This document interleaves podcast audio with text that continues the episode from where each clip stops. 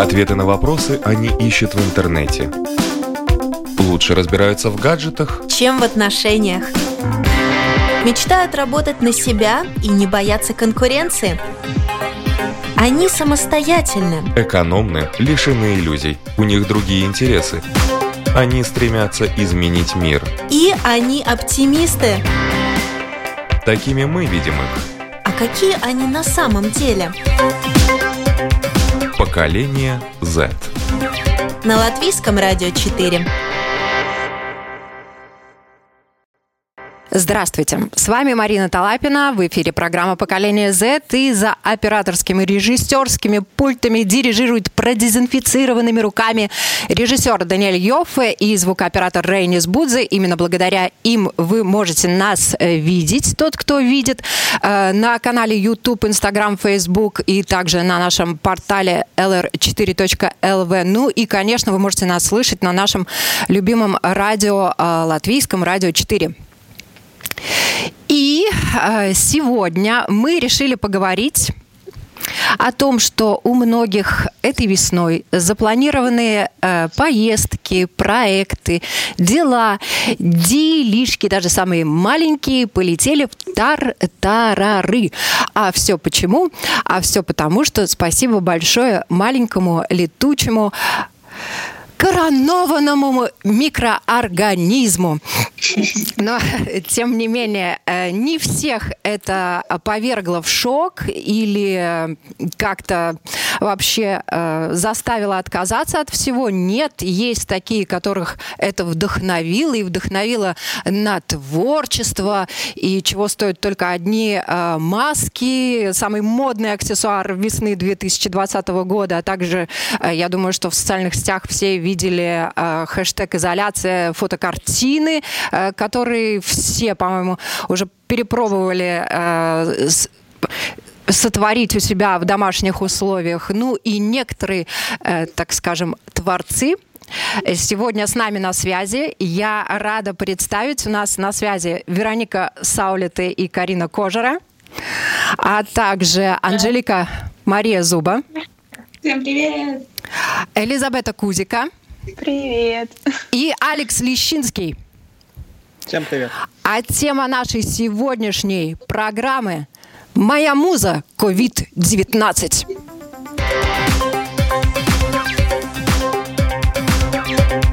Поколение Z.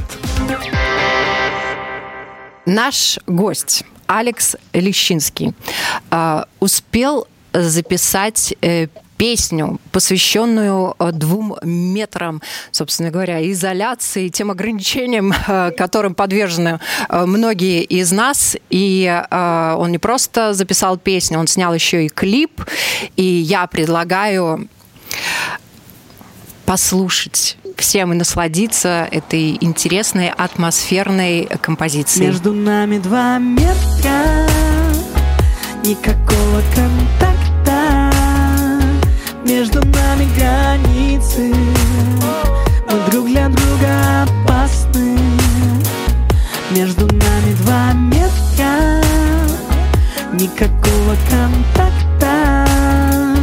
Между нами границы.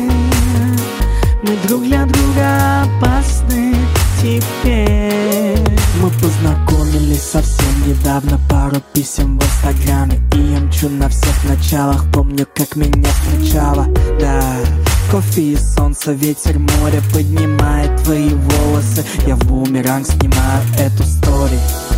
Наша стори началась так дико. Помнишь эту пофа в грубо, но зато красиво ты проникаешь внутрь. Очень быстро В каждой мысли ты как вирус, но теперь Между нами два метра. Никакого контакта. Между нами границы. Мы друг для друга опасны. Между нами два метра. Никакого контакта. Между нами границы мы друг для друга опасны теперь. Давай станцуем вместе, но теперь в ТикТок И не расскажем никому, о чем наш видеозвонок. Ты поджигаешь это все Мой телефон уже горячий Пишем с деткой письма в чате На экране ты, я делаю Давай станцуем вместе, но теперь в ТикТок И не расскажем никому, о чем наш видеозвонок. Ты поджигаешь это все Пустые полки, но не пусто в сердце Знаем, как с тобой согреться нам Между нами два мира Никакого контакта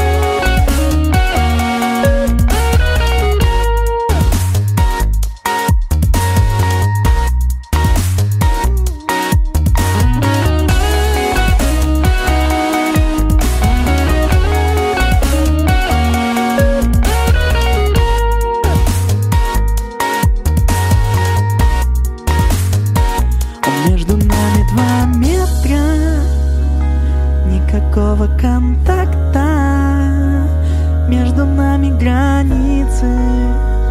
Мы друг для друга опасны. О, между нами два метра.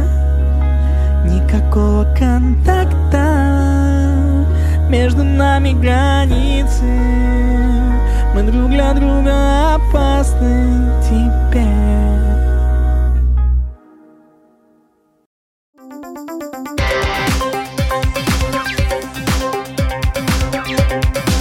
Поколение Z.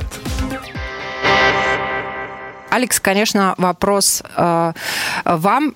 Э, песня написана очень легко, по крайней мере, так представляется. Э, как, как это у вас получилось? Да, ну на самом деле это было тогда, когда вся эта ситуация только-только началась, то есть э, где-то середина марта, и то есть было видно, что публика очень активно реагирует на все события. Сейчас как-то в Фейсбуке уже немножко посты о коронавирусе успокоились, но тогда я помню, что ты открываешь ленту и прямо все посты, все там про и про гречу, и про пустые полки, и про вот э, вирус. И так уж получилось, что у меня тоже много друзей, которые живут в других странах. Э, И мы с некоторыми из них планировали встретиться как раз там в конце марта, в начале апреля. И, конечно, все эти встречи, они отменились. Просто я сидел дома, импровизировал, что-то сочинял и решил подумать, можно ли как-то вот эту всю ситуацию с вирусом превратить в песню, но так, чтобы это не было в лоб. То есть, чтобы там не было прямых слов, там, коронавирус, изоляция, чтобы все-таки в песне оставалась какая-то недосказанность и какой-то вариант другого развития. То есть, в общем-то, все эти слова можно также трак- трактовать как э, ссора между парнем и девушкой, или то, что там их отношения очень сложные, и они опасны друг для друга, поэтому между ними всегда расстояние. И другой, третий вариант это вот то, что из-за социальной дистанции некоторые люди, которые встречаются и живут в разных странах, они не могут сейчас увидеться, хотя очень хотели бы, к примеру. И вот так вот как-то легко, там буквально за пару дней вся эта песня как раз-таки была написана. И на той же неделе сняли видеоклип и все это выложили в сеть. Ну, очень интересно, как снимали видеоклип. Тогда уже ограничения жесткие ввели. Достаточно пустынные улицы видно на фоне. Полиция к вам не подходила, не спрашивала, что это, собственно говоря, вы делаете, два метра между вами есть, между теми, кто снимает и кого снимает? Да, между нами было два метра, естественно, во время съемок, поэтому полиция к нам не подходила, хотя полиция ну, так достаточно активно гуляла по центру в тот день, и я думаю, что если бы мы не соблюдали дистанцию, наверное, к нам подошли бы. Ну, снимали на камеру, ну, профессиональную, достаточно быстро, буквально вот за пару часов мы приехали, потому что это было еще в марте, когда было не так светло, как сейчас, и достаточно рано темнело, поэтому быстро отсняли и поехали по домам монтировать. Ну и у вас получилось. У вас уже да, несколько спасибо. тысяч просмотров, что говорит само за себя. Спасибо. Вот э, у нас э, среди нас есть режиссер. Хочется задать вопрос режиссеру, который тоже видел этот клип. И э, Лиза, Да. твое мнение профессиональное. Не, на самом деле это очень здорово, что сейчас в такое тяжелое время вирус, который в основном приносит только какую-то грусть, депрессию, может вдохновить и на что-то такое творческое. Сколько я не вижу таких э, интересных креативных работ от людей, которые творят во время вируса, это очень-очень здорово, очень поднимает всем настроение, я думаю. Что со съемками твоей дипломной работы рассказывай? Сейчас на самом деле все очень грустно, но слава богу, мы успели снять большую часть э, до введения именно таких жестких ограничений. Но нам мы сейчас не можем никак продолжить съемки, потому что у нас в университете в студии может находиться только два человека максимум. Ну а что такое два человека для нас? Ну, Фильм так не снимешь. И даже на улице мы не можем обеспечить это расстояние 2 метра, чтобы качественно все снять. Поэтому пока сидим дома, монтируем то, что есть, и очень надеемся, что после 12 мая успеем как-то все доснять. Ну, мы тоже желаем тебе доснять все и получить диплом, и рассказать нам потом вообще и показать нам свою работу. Да, спасибо. А, В апреле отмечается День Земли.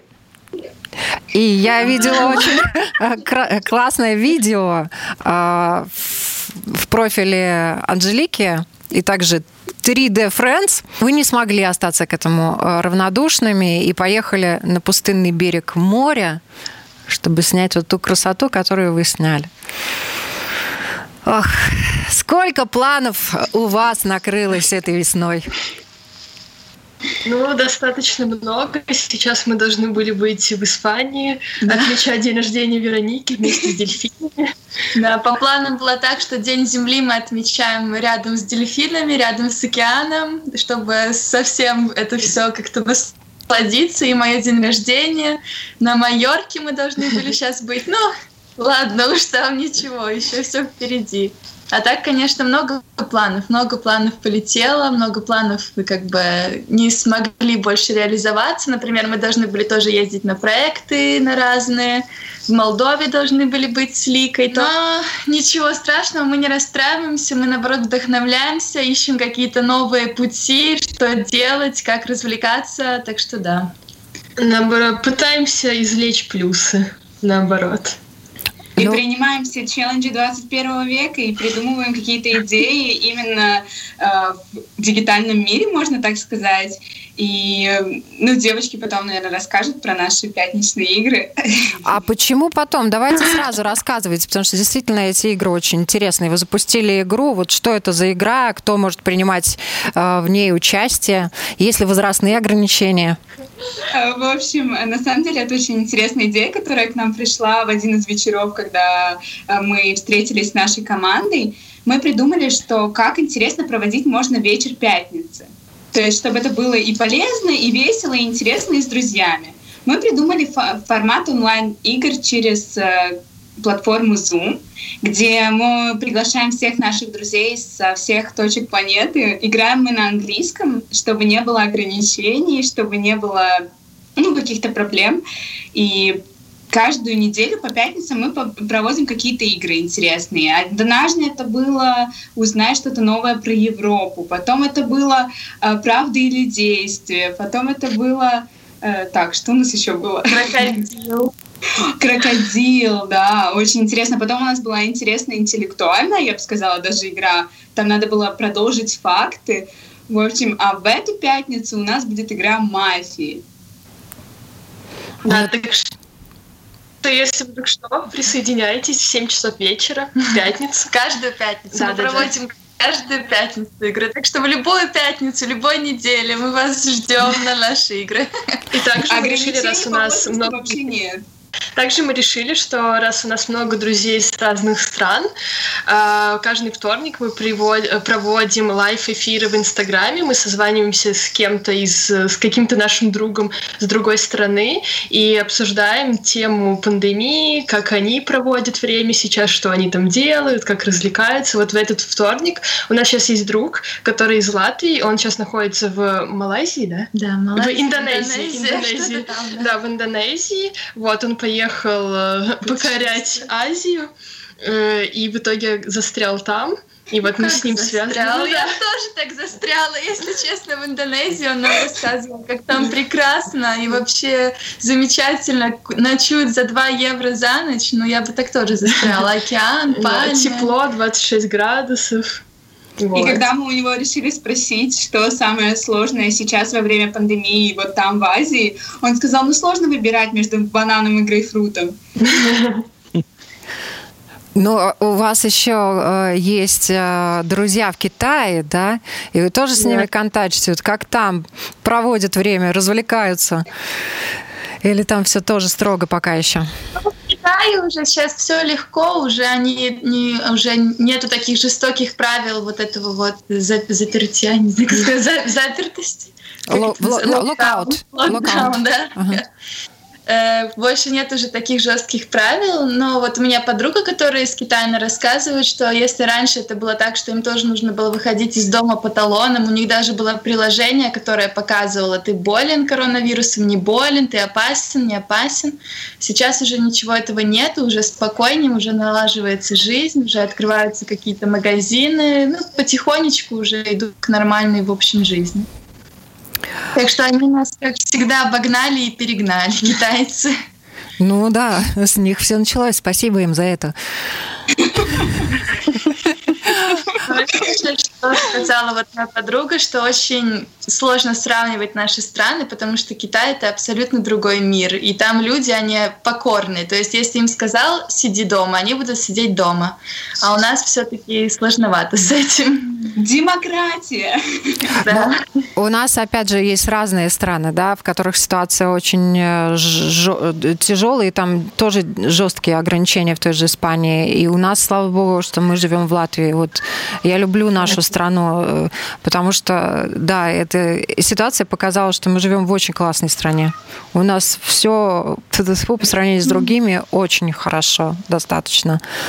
Э, Давайте, рассказывайте, Алекс, ты тоже говорил, что у тебя есть ребята, друзья, а, которые за границей. Между нами два метра, между нами границы. Ну, в общем-то, у меня друзья из более ближних стран, там, к примеру, из Эстонии, и у них ситуация очень похожа на то, что у нас происходит, только у них чуть-чуть позже начали принимать все эти жесткие меры, поэтому когда у нас уже там спортивные залы закрыли, они еще там один день или два еще занимались, присылали мне фотки, то, что а вот мы пока что еще тренируемся. Но сейчас уже на самом деле так плюс-минус все совпадает с тем, как у нас, то есть все или в лесу, или где-то гуляют по пустым улицам, или сидят дома. Из-за того, что у нас было запланированы наши съемки, опять же, у нас были большие планы, и сейчас вообще неизвестно, когда э, что продолжится, как будет дальше, когда мы закончим универ. И мы уже думали разные варианты, как, может быть, фильм поменять. Но тоже, опять же, не хочется как-то на коленке менять сценарий, чтобы в итоге работа получилась некачественная только из-за коронавируса. Плюс мы тоже думали о том, что когда будет проходить защита, чтобы комиссия не делала нам каких-то поблажек, и чтобы этот выпуск наш был неудачным в плане творческих работ из-за того, что случилась такая ситуация. Очень хочется сделать все хорошо, и из-за того, что пока никак не получается, от этого немножко грустно. А когда были запланированы уже, э, ну, как бы сдача дипломной работы, когда должна была происходить? Э, вообще уже должна была быть предзащита, по-моему, в середине мая. Сейчас нам перенесли предзащиту на 28 мая и защита в начале июня. Но э, очень много студентов говорят, что они просто не успеют снять там, доснять фильм за две недели. У нас там осталось немного, а некоторые вообще даже не успели начать из-за этого. И если мы не успеем сдать в июне, то тогда придется, видимо, ждать до сентября. Ух, а какие были планы потом? Меня бабушка учила, что надо думать о том, что будет позже. Чем ты займешься потом, когда сдашь все свои дипломные работы? Я не знаю уже теперь, потому что это настолько как-то погрузило в такую грудь, что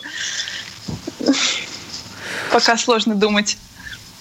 Теперь я даже не знаю, мы обсуждали, сидели с оператором, что с работой, потому что он, например, потерял тоже работу из-за этого всего, и ему нужно там и за квартиру, и за квартиру платить, и думать и об учебе, и из-за этого, конечно, очень-очень тяжело. Хочется справиться с тем, что происходит сейчас, а потом уже думать, что потом.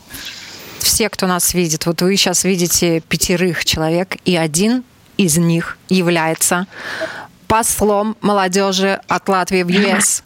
Угадайте, кто это? Даже если вы угадали, я все равно скажу. Это Анжелика Мария Зуба. А, но это достаточно ответственная и серьезная такая должность. Просто расскажи, как это было, потому что ты являешься первым послом а, от Латвии а, молодежи. Это же очень интересно. Да, да посол европейской молодежи в Латвии. И это очень уникальная возможность. Таких, как я, по всему миру примерно 720 человек, которые вдохновляют, которые что-то сейчас делают. И вот сейчас мы находимся и ну, такой студии, э, нашей скайп-студии, они э, разговаривают про дезинформацию. На самом деле это возможность открыта для каждого. Я чисто случайно нашла информацию об этой инициативе для, малых, э, для молодых людей от 16 до 25 лет. И я как-то стала интересоваться, а что это, кто там участвует. И там на самом деле участвуют страны Евросоюза все и страны Восточного партнерства. Это соседи с Евросоюзом, такие страны, как Армения, наша любимая Грузия, Азербайджан, э, Украина, э, Молдова Молдова и, и Украина. Вот. И совместная эта платформа предоставляет разного вида возможности участвовать в всякие активности. И даже сейчас, во время пандемии, огромное количество разных интересных встреч, путешествий виртуальных. Я даже участвовала в виртуальных путешествиях, где я познакомилась с невероятными ребятами, которые настолько же позитивно настроены на то, что мы друг друга увидим после всей ситуации, которая у нас происходит в мире. И поэтому, да, Слушай, ну, э, на самом деле действительно классно, да? А вот эти вот виртуальные путешествия, э, другие ребята могут к ним приобщиться, как-то побывать в них? Конечно, есть, э, это делаются открытые мероприятия, они делятся в Фейсбуке, их даже можно найти э, на страничке Восточного партнерства, и там публикуются разного рода мероприятия и все, что происходит, и где можно с удовольствием присоединиться, потому что теперь это стало более открытым, более доступным для каждого человека в любой точке планеты. Вот так что все, заходите на страничку в Фейсбуке и путешествуйте, да, и... как минимум. А может быть, еще приобщаетесь к другим вещам, чтобы не грустить, Лиза? А также там очень много вызовов разных.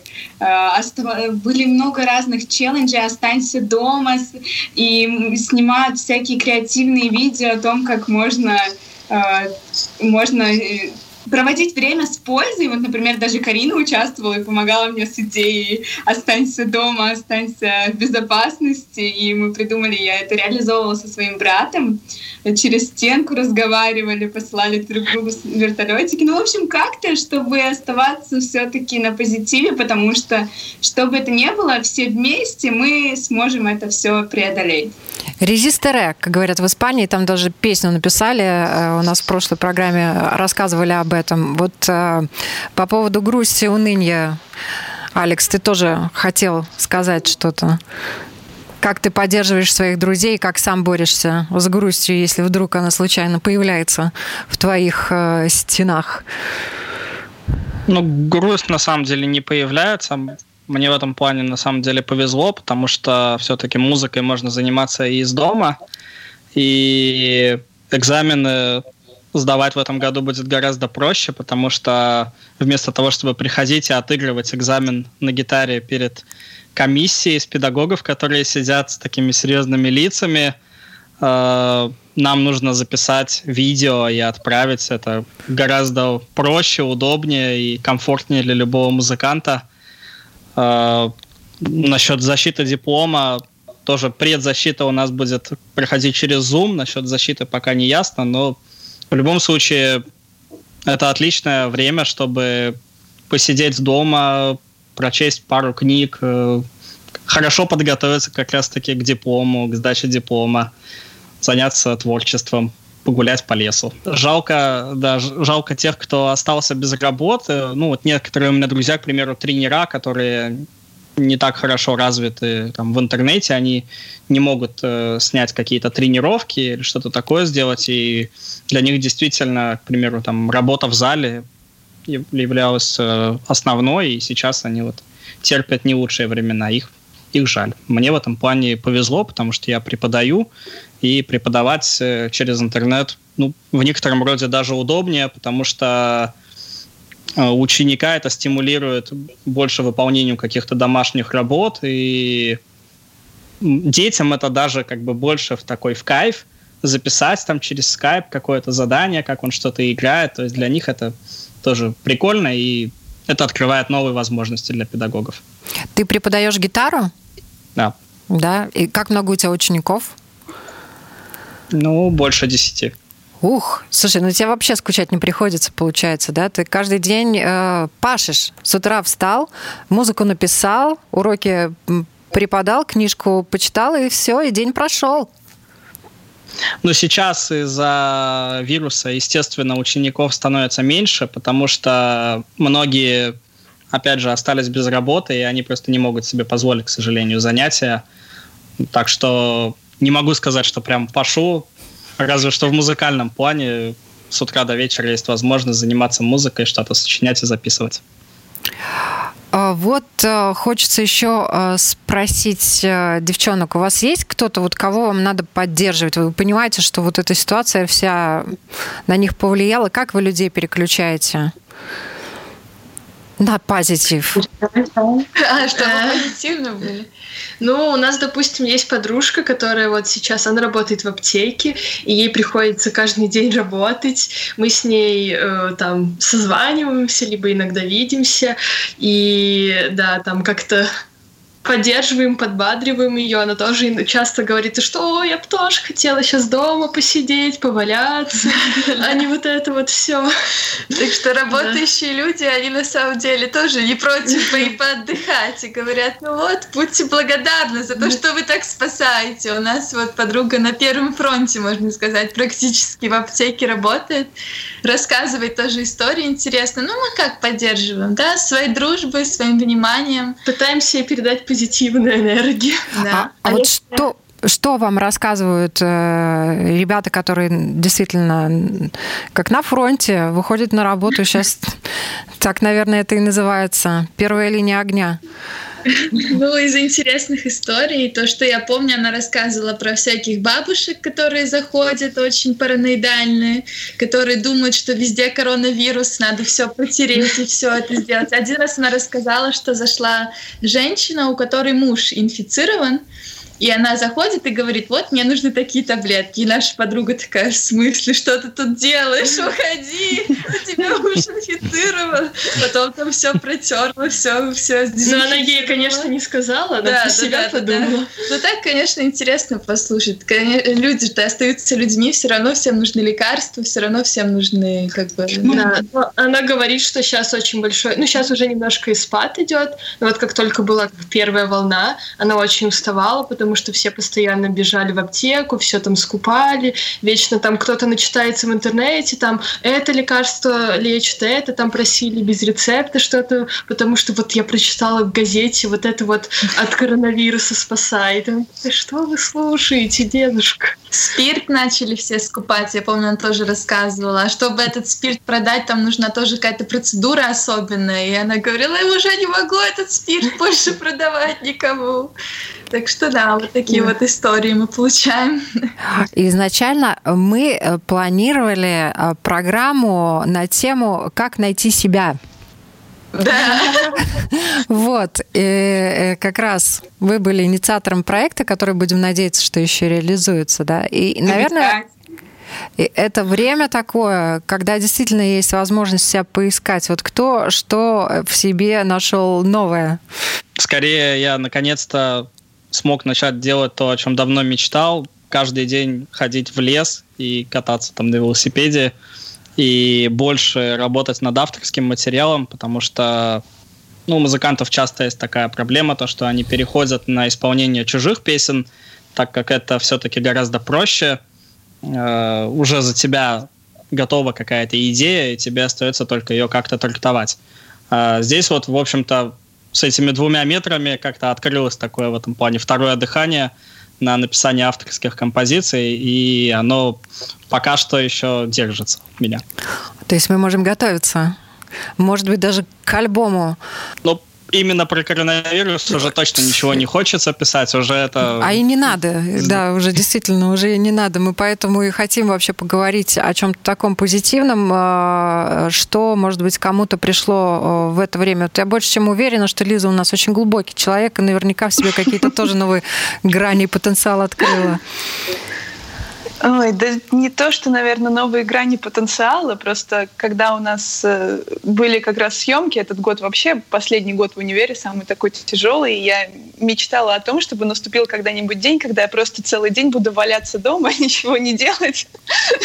Так вот, кого мы должны благодарить. Да. И, ну, это единственное, что было здорово. Ну и здорово то, что все-таки, наверное, с отдохнувшей такой свежей головой можно по-другому посмотреть на то, что мы уже сделали на данный момент. И ты лучше видишь те вещи, которые, может быть, можно исправить, улучшить ну, в таком плане. Так что в том, чтобы сидеть дома, тоже есть свои плюсы. А спортом занимаетесь? Сидя на кресле? Да. Да, да, да.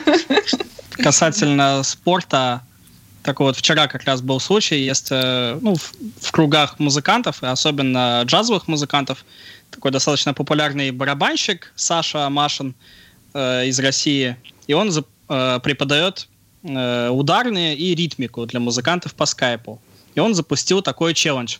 Ты включаешь на телефоне приложение, которое фиксирует твой бег и подъемы и тебе нужно 15 минут бегать по лестнице по подъезду, э, ты отправляешь ему этот скриншот, что ты 15 минут пробежал, и он 15 минут бесплатно с тобой занимается, что очень многих простимулировало как бы подняться с дивана и немножко все-таки подвигаться, что очень просто. Вышел в подъезд и, пожалуйста, вот тебе и спорт. Слушайте, ну действительно этот период э, вдохновил многих людей на всякого рода интересные креативные идеи. И главное, что многие делают все очень э, э, бескорыстно да, то есть э, безвозмездно готовы помогать. Без, сколько бесплатных э, концертов э, выдающихся людей, да, очень крутых музыкантов можно увидеть за этот период. Все это вот действительно в таком открытом доступе, и можно смотреть, пересматривать, и можно... Самое классное, наверное, когда вот в прямом эфире ты можешь это видеть, потому что ощущения совсем другие. Девчонки, я не знаю даже вас спросить или не спросить, вас, по-моему, ничего особенно не поменялось, кроме того, что перенеслось в четыре стены. Вы, вы как активными были 3D Friends, так, и продолжаете свои активности. Да, мы стараемся бомбить по всем фронтам, даже если просто так еще получилось, что наша организация, она, получается, создалась буквально во время коронавируса. В самом начале. Да, и у нас даже не было шанса начать какие-то мероприятия, например, где людей надо собрать, где надо там помещение найти. Мы решили пойти по пути онлайн. Но это тоже очень круто. Особенно круто слышать поддержку от наших партнеров, от наших других стран, которые пишут нам, что спасибо большое, что вы это сделали, что продолжайте. И это так легко, это так доступно, и ты общаешься со всем миром. То есть тебе не нужно ограничивать людей, которые могут попасть на твое мероприятие. Ты просто приглашаешь всех, и мне кажется, это очень круто. Это, да, невероятно, мне кажется. Алекс, девчонки красивые, Да. правда? Да, очень. То, что касается взаимоотношений людей, а, парень-девушка, да, вот то, что, то, о чем, собственно говоря, поется в твоей песне. Вот как это у молодежи происходит сейчас, если между нами границы, а не только два метра? Ну, у тех, кто живут вместе, я думаю, что... Это, это вопрос не о них. Ну, у них тоже, кстати, интересно, мне кажется, сейчас разделилось на две категории. Те, кто счастливы, что они больше времени вместе проводят, и те, кто уже бегут подавать на развод, как я читал уже кучу таких статей, что количество разводов начало увеличиваться резко. Ох, а ну вот те люди, которые не вместе живут, как у них? У тебя есть, Ну, кстати, поклонница? у меня И девчонки, ну, может быть, девчонка. У тебя есть девчонка? Девчонки поклонницы, я думаю, что есть, да, по крайней мере, те, кто пишут мне комментарии Но у тебя в клипе там много очень девчонок. Да, это, кстати, с большого количества стран. Это просто люди на Фейсбуке подключились, которым тоже показалось, что такая позитивная, заводная песня, захотелось поучаствовать в ролике, сделать его таким более красивым. Мне эта часть моя любимая в клипе. То есть мне приятнее смотреть на веселящихся, танцующих людей, чем на себя в кадре. Но на самом деле, действительно, это такое украшение в конце клипа. Так же, как ку- кульминационный момент. Все как, Мгм. да, как, вот, как, как в режиссуре. Все по классике. Снято, снято по классике. Девчонки, ну раскройте секрет. Ну вот как у народа молодого отношения складываются? Да, отношения.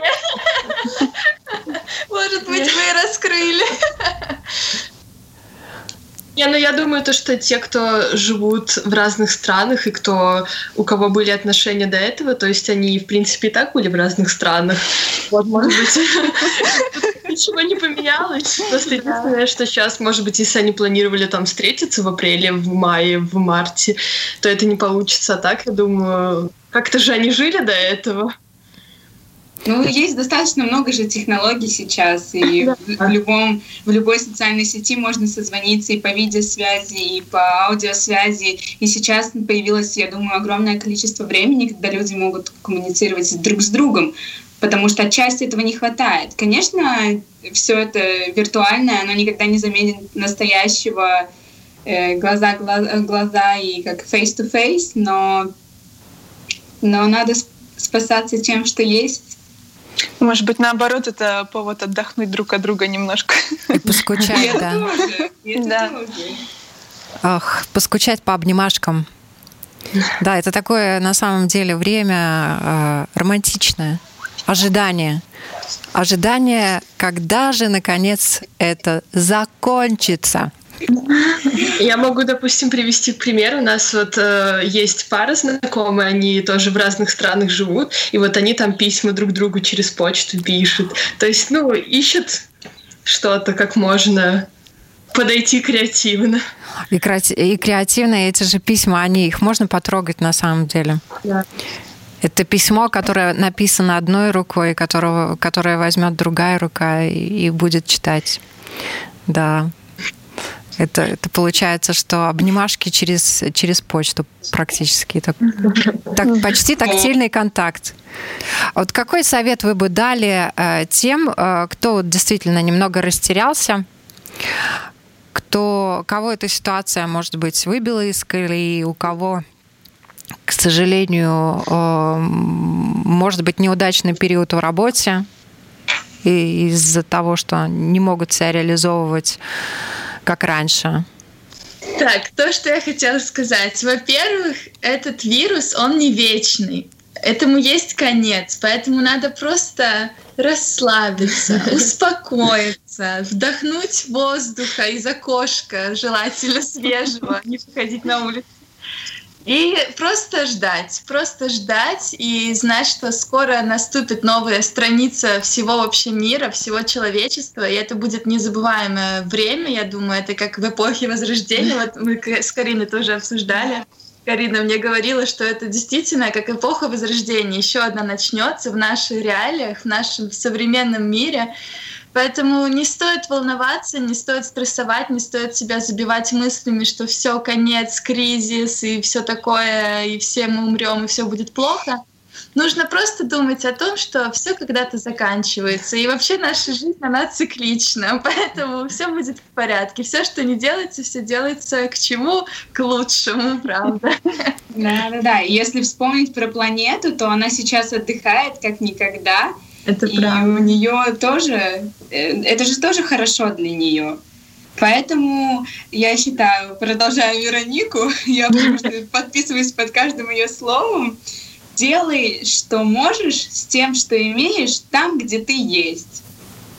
И я также хочу дополнить то, что в любом случае, мне кажется, то, что во всем надо искать всегда плюсы, и какая бы ситуация там негативная, плохая не была, не может быть так, что ты из нее не можешь какие-то уроки вычесть, вычесть или как правильно сказать. А, да, поэтому я думаю то, что даже из этой ситуации каждый может для себя что-то новое приобрести, даже я не знаю, если там кто-то с кем-то расстался, там поссорился или что-то, то это тоже можно при в плюс перевернуть, потому что значит, наверное, этот человек не тот, с которым тебе надо продолжать жить, вот, или открывая даже в себе какие-то таланты, или вот как э, Алекс сказал, что у него появилось время на дела, которые на которые не было раньше времени, поэтому я думаю, то, что всегда есть плюсы во всем, и надо их просто найти, а не зацикливаться на минусах. А Вот. я хочу Анжелику еще попросить немножко-немножко а, углубить и расширить мысль по поводу того, что планета отдыхает. Э, Вы так очень красиво сказали, учитывая, что в апреле действительно День Земли, а, просто, может быть, некоторые радиослушатели или зрители не поняли, как, как планета отдыхает. Она действительно сейчас отдыхает. Меньше мусора. Ну да, сейчас и нету полетов. Сейчас, э, я не знаю, как это связано, но даже, мне кажется, в Латвии солнышко светит ярче сейчас. И чаще. И чаще, да, ярче, чаще. И это тоже создает свое внутреннее настроение, даже в стенах дома. И мне кажется, что сейчас у природы появится второе дыхание, и нам появится какая-то новая возможность, возможно. И сейчас вообще все красиво распускается. Цветочки, Весна, зелень, весна. весна. Как в душе, Тепло. так и на улице. Лиза, тебе слово. Твой совет. Ну, я думаю, девочки уже все очень здорово сказали. Я просто все время думаю о том, что, наверное, какими бы ни были грандиозными планами, планы, но здоровье, оно всегда важнее. И если выбирать между тем, что ты запланировал, и здоровьем своим, здоровьем своих людей, я, например, понимаю, что я просто не имею права рисковать здоровьем своих актеров, людей просто вокруг, которых мы встречаем. И если мы посидим дома, и это, возможно, спасет даже чью-то жизнь, это намного важнее, чем то, что у нас там не получится сотворить какой-то план раньше, чем мы хотели. Ну, Алекс, закругляй нашу девичью компанию. Да, слушайте хорошую музыку, чтобы дома было хорошее настроение. Посмотрите все сериальчики, которые планировали. Э, Поскольку дома сидим и много кушаем, не забывайте заниматься фитнесом. Жизнь продолжается. Наслаждайтесь моментом. Спасибо огромное всем, кто был с нами. А это Алекс Лещинский, Вероника Саулета, Карина Кожера, Анжелика Мария Зубы и Елизабета Кузика. Всем любви.